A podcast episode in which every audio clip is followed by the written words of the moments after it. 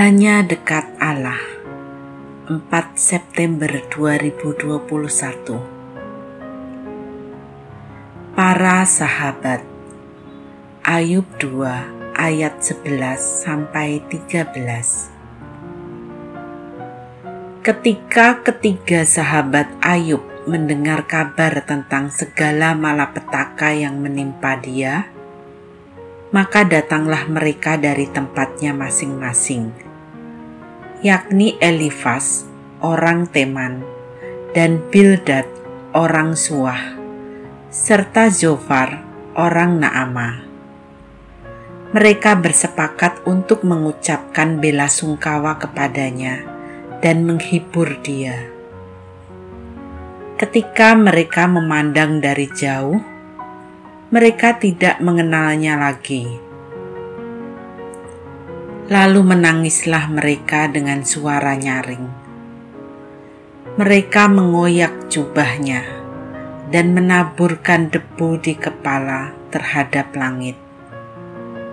Lalu mereka duduk bersama-sama dia di tanah selama tujuh hari tujuh malam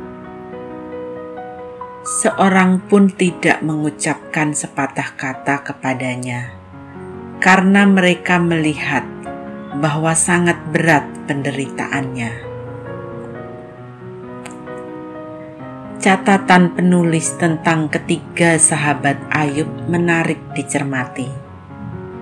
Mereka datang dari tempatnya masing-masing untuk menghibur dia Tampaknya mereka tak perlu menunggu waktu lama untuk bertemu dengan Ayub.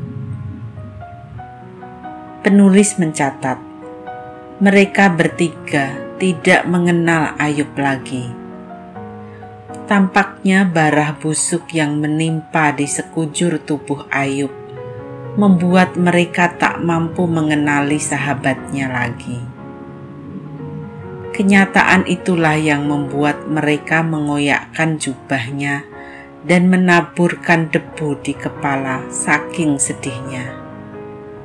Tindakan mereka tak beda dengan Ayub, kala semua harta, juga anaknya, musnah.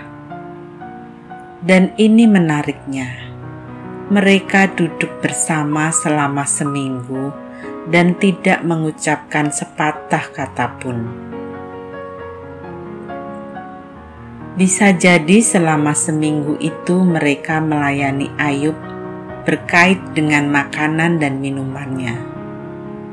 Namun, semuanya itu dilakukan tanpa kata. Mereka juga tidak bertanya agar mendapat jawaban Ayub. Mereka hanya diam Mungkin mereka tahu Ayub pun pasti sulit menjawab pertanyaan mereka. Ya, tanpa kata. Dan itulah penghiburan sejati. Salam semangat dari kami, literatur perkantas nasional, sahabat Anda bertumbuh.